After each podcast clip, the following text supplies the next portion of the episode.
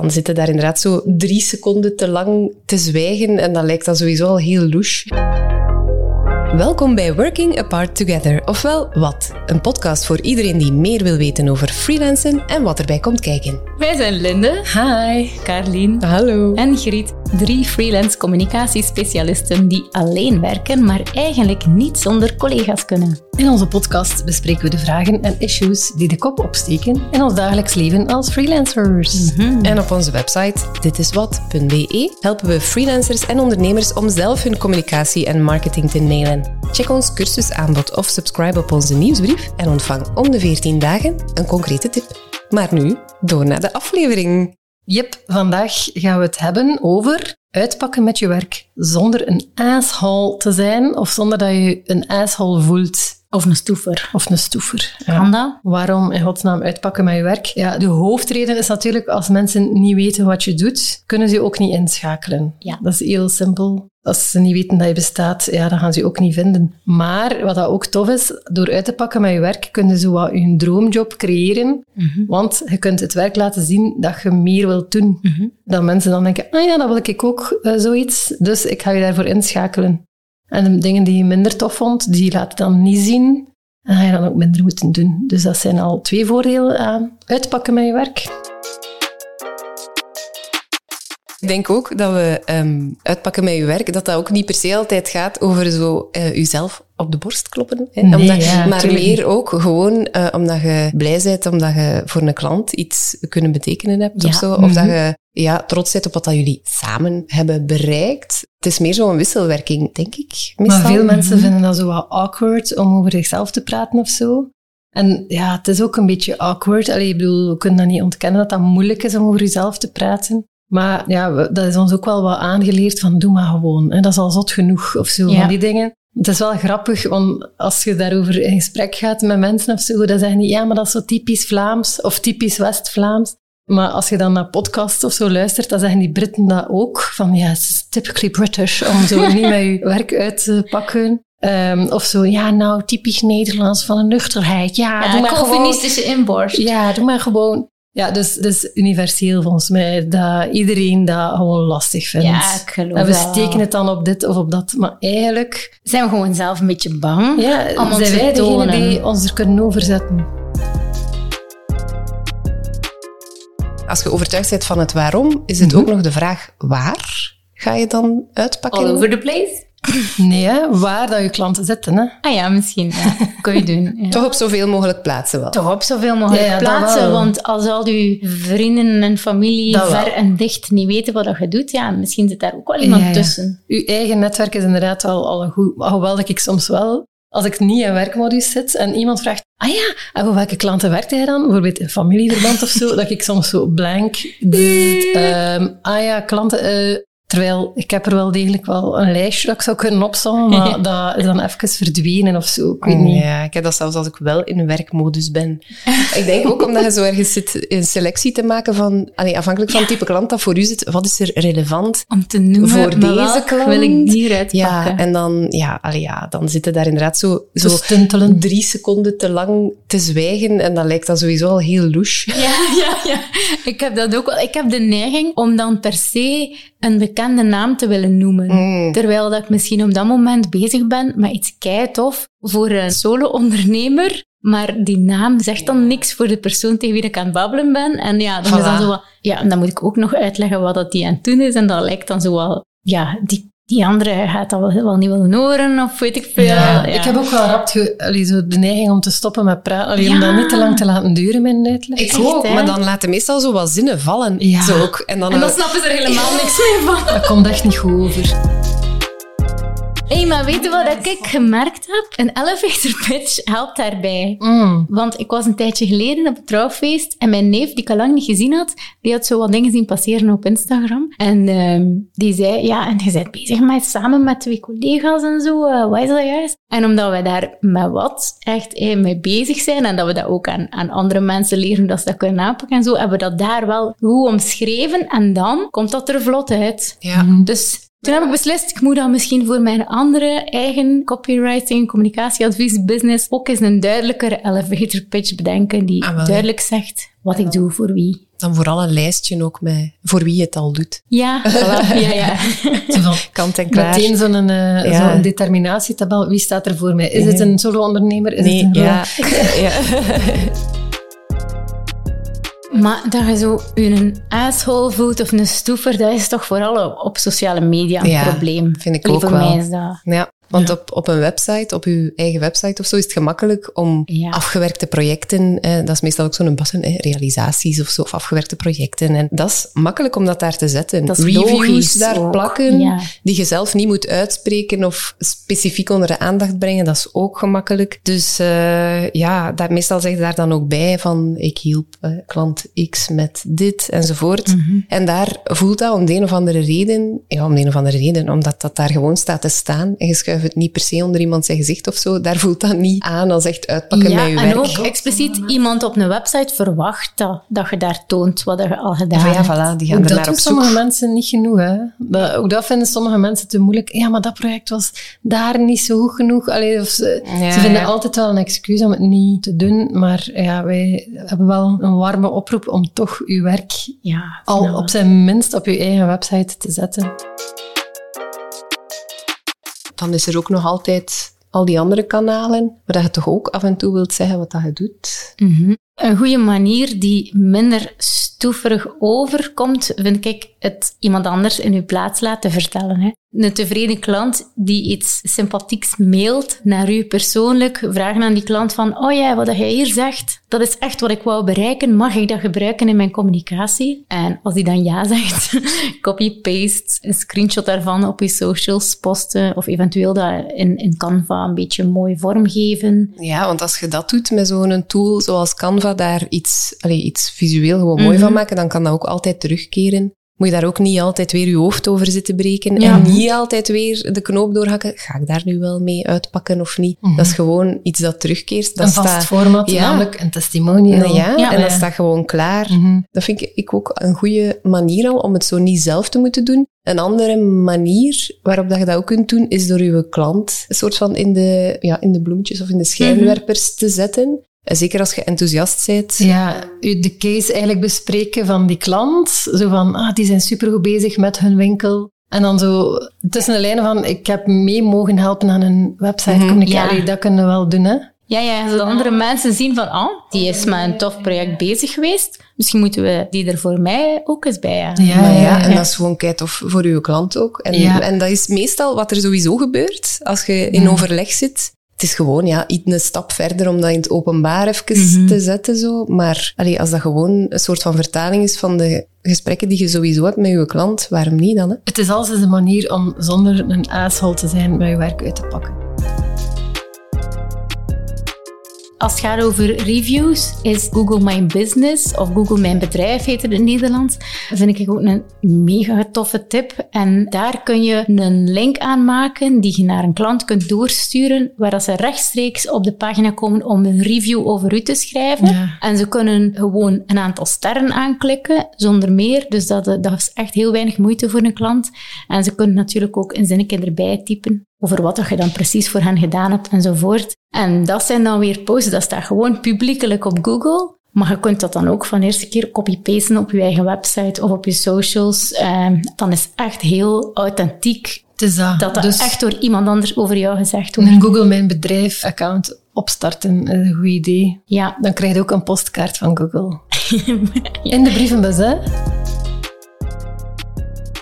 Wat dat je ook kunt doen, is bijvoorbeeld een aantal projecten die je al gedaan hebt bundelen. Dan is het minder zo die ene klant per se die je in de bloemetjes zet, maar eerder bijvoorbeeld gelijkaardige dingen die je voor een reeks klanten gedaan Ja. hebt. Mm. Die ofwel gewoon laten zien van, ja, dat kan van alles zijn, Ja, een ja. aantal realisaties. Bijvoorbeeld als je video's maakt of zo, zou je zo gelijk een, eh, een showreel. een showreel kunnen Ja. maken van alle soorten eh, stukjes uit video's voor verschillende klanten. Ja. Ja, of als je altijd weer terugkerende vragen hebt. Ja, sowieso een frequently asked questions soort van is sowieso altijd leuk om je expertise te laten zien. Ja. Maar als dat dan nog gestaafd is met voorbeelden van eh, specifieke cases of specifieke klanten die je daarmee geholpen hebt, dan is dat een heel, ja, een heel gewone manier om te laten zien dat je de kennis wel in huis hebt. Ja, om dat is een goede dat een probleem idee ook. op te lossen. Inderdaad. En, en dat is een leuke post ook, hè?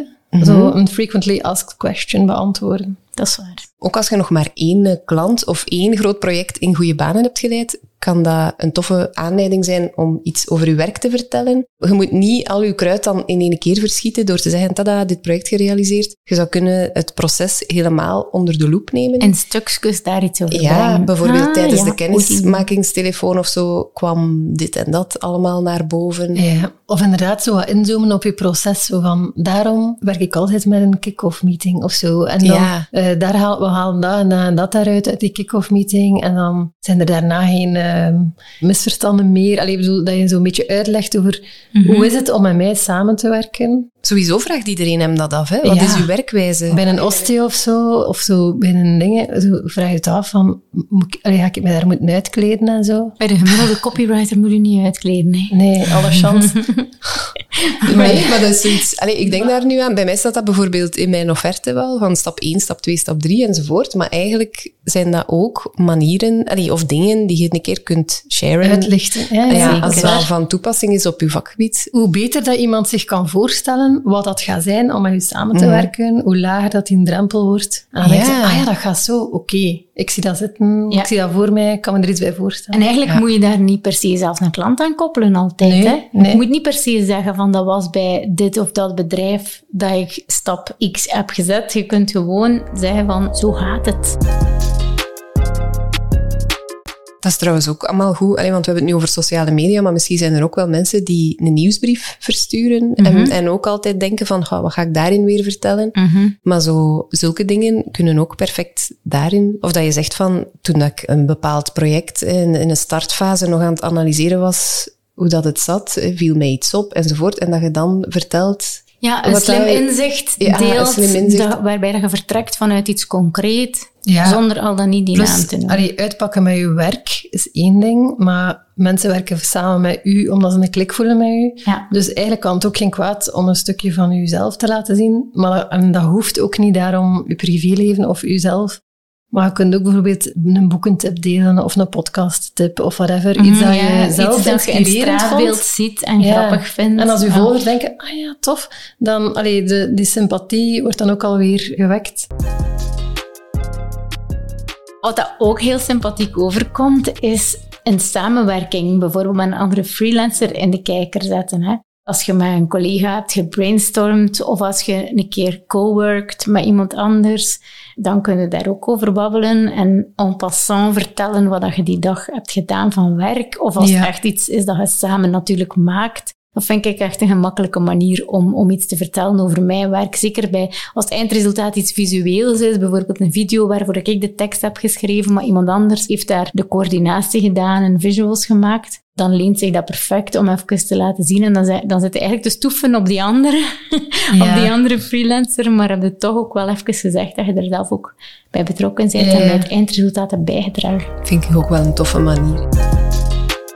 Eigenlijk alle pagina's die op uw website staan, zijn goed om over te posten. Bijvoorbeeld ook uw origin story of zo, van waarom, zeg waarom hebben ze de keuze gemaakt om dat beroep te kiezen nu.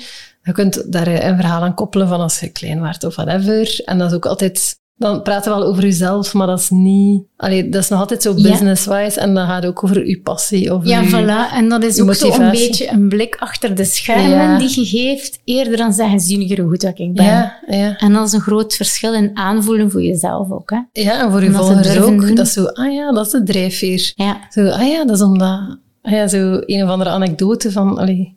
Mhm. Dus eigenlijk is dat ook wel een leuke manier om over jezelf of over je werk te praten. ja. Dat zijn ook de dingen die je kunt posten als je zelf nog niet veel dingen hebt Ja. waar dat je per se mee wilt uitpakken. Hè, want soms zijt je wel begonnen en heb je een doel van ik wil dat type projecten doen, maar in de praktijk zijde dat nog niet helemaal aan het doen.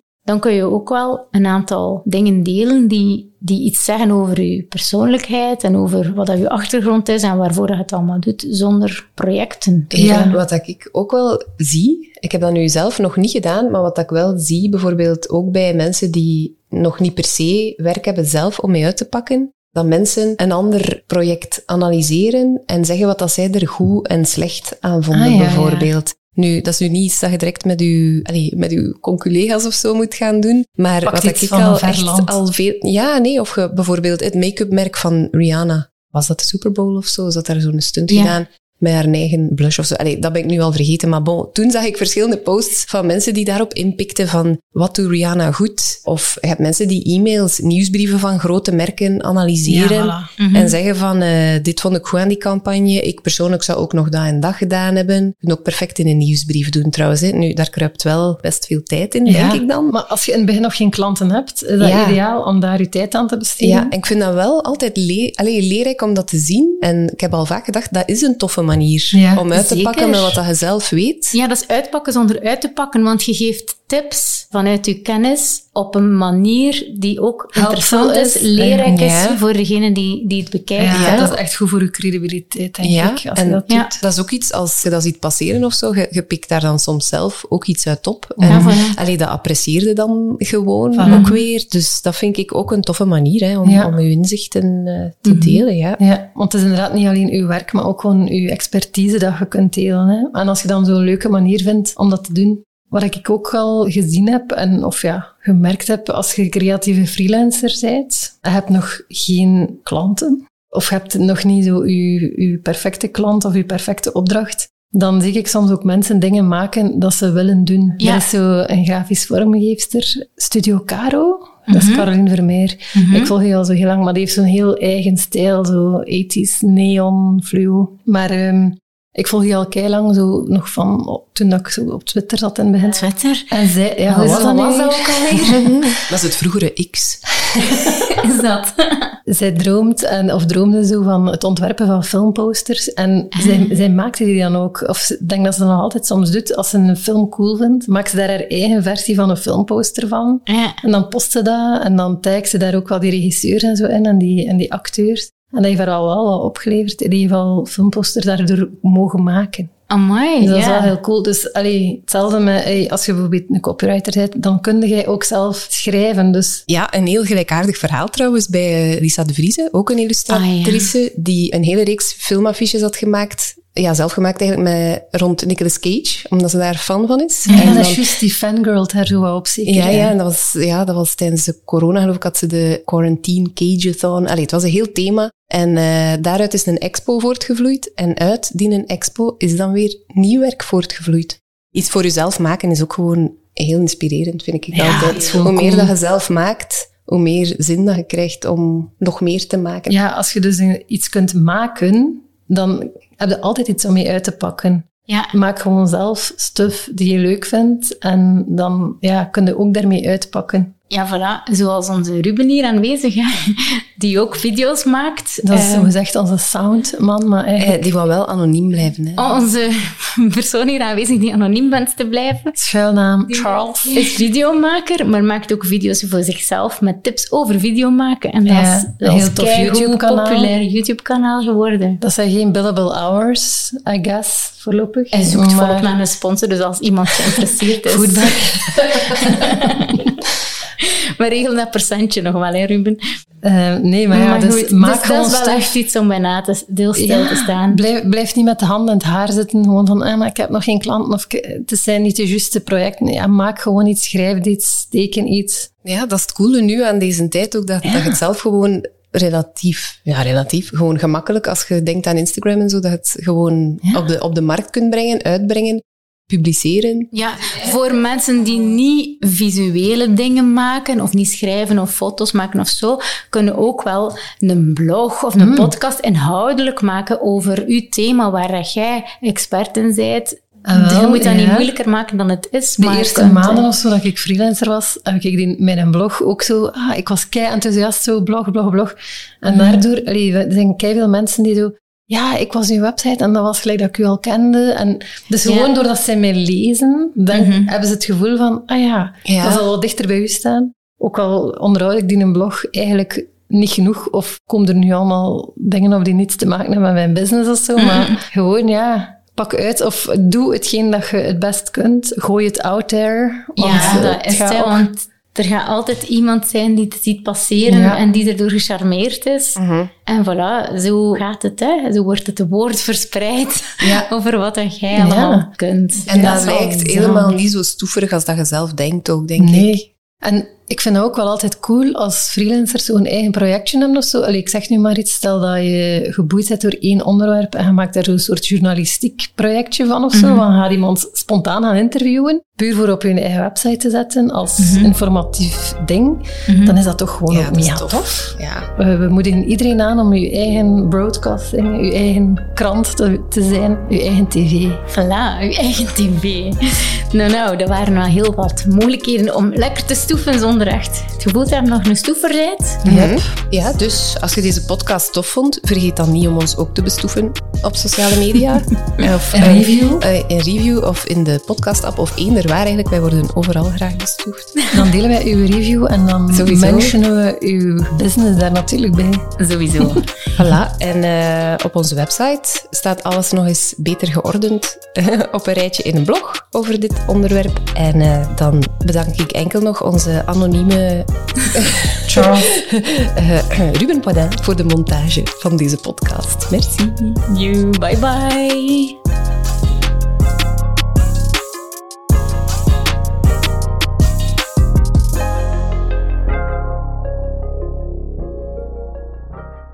Heb je iets gehad aan deze marketingtips? Wacht dan tot je onze zeven superconcrete hacks hoort om je zichtbaarheid als ondernemer meteen te vergroten. We delen die zeven concrete marketingacties tijdens een gratis webinar op 23 mei om 12 uur 's middags. Breng je eigen boterhammetjes, want het is van achter je computer te doen. Dus ga nu naar onze site ditiswat.be en registreer u zodat je die zeven hacks ook te weten komt. Als je deze podcast trouwens tof vond, abonneer u dan zodat je de volgende afleveringen zeker niet mist. En deel eens op social media waar je luistert. Ah ja, en als jij een vraag in de Fuchsia vragentrommel wil stoppen, mail ons op hallo@ditiswat.be of stuur een berichtje op socials. We zijn alvast super benieuwd. Op onze website ditiswat.be staan alle links en tips die we in deze aflevering al dan niet gevraagd naar uw hoofd hebben gegooid, dus ga zeker ook daar eens kijken. En dank u wel, Watje, om te luisteren. Doei!